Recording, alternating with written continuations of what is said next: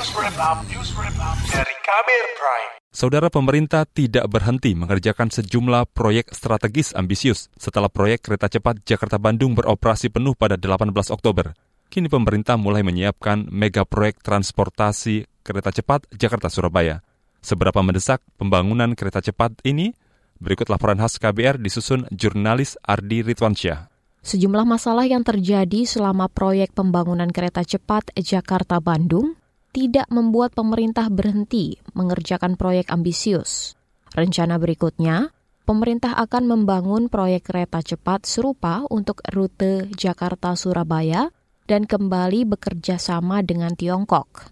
Presiden Jokowi mengatakan, proses studi kelayakan kereta cepat Jakarta-Surabaya sudah berlangsung. Hal tersebut disampaikan Jokowi usai meresmikan kereta cepat Jakarta-Bandung bernama Wush pada awal Oktober lalu. Kereta cepat dari Bandung ke Surabaya mungkin dalam dua minggu ini studi dari Pemrakarsa akan selesai. Kemudian akan kita lanjutkan dengan studi dari kita sendiri, studi lanjutan.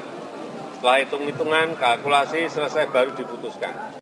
Pada kesempatan lain, Jokowi mengatakan trayek kereta cepat Jakarta-Surabaya akan melintasi rute kereta cepat Jakarta-Bandung untuk menumbuhkan titik ekonomi baru di sepanjang lintasan. Pemerintah Indonesia bahkan telah membuat komitmen dengan Tiongkok untuk proyek baru ini.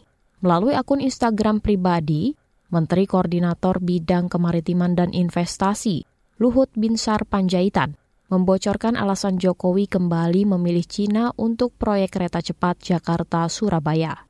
Pak Jokowi mau kereta api cepat Jakarta Surabaya diterusin. Tadi saya dengar perjanjian dengan Cina juga jalan, malah bunganya jauh lebih murah daripada bunga yang ditawarkan banyak negara lain. Dan teknologi kita udah buktikan dan kita udah punya pengalaman. Luhut menjelaskan, kereta cepat Jakarta Surabaya akan menempuh rute Jakarta, Kertajati, Yogyakarta, Solo, dan berakhir di Surabaya. Luhut yakin pemerintah bisa menggarap proyek kereta cepat Jakarta-Surabaya karena sebelumnya telah selesai membangun Wush. Berbekal pengalaman pada proyek kereta cepat Jakarta-Bandung itu, Luhut yakin pemerintah bisa menyukseskan proyek berikutnya. Meski begitu, Luhut mengakui ada persoalan dalam setiap proyek transportasi publik yakni masalah pembebasan lahan. Wakil Menteri BUMN Kartika Wirjo Atmojo menjelaskan Indonesia dan Tiongkok telah menaikkan kesepakatan guna melakukan kajian bersama pembangunan kereta cepat Jakarta-Surabaya. Studi tersebut mencakup seluruh rencana pengerjaan proyek termasuk nilai investasinya. Belum diketahui kapan kajian bersama akan selesai. Namun Kartika Wirjo Atmojo memastikan waktunya tidak sebentar. Kartika mengatakan sampai saat ini belum ada kontraktor atau konsorsium yang ditetapkan dalam proyek baru ini.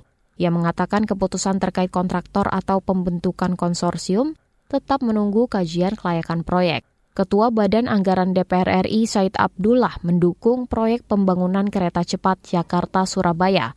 Namun dirinya mengingatkan pemerintah agar pembangunan tidak sampai membebani APBN seperti yang terjadi saat pembangunan proyek kereta cepat Jakarta-Bandung. Ya pelan-pelan cari investor, jangan APBN terus. Dulu kereta cepat bisnis to bisnis, karena macet hanya ditarik ke APBN. Nah ke depan harus dihitung, cari investor yang kredibel supaya pembiayaannya oleh investor. Sementara itu, pengamat transportasi Institut Studi Transportasi atau Instran Darmaning Tias menolak rencana pembangunan kereta cepat Jakarta-Surabaya.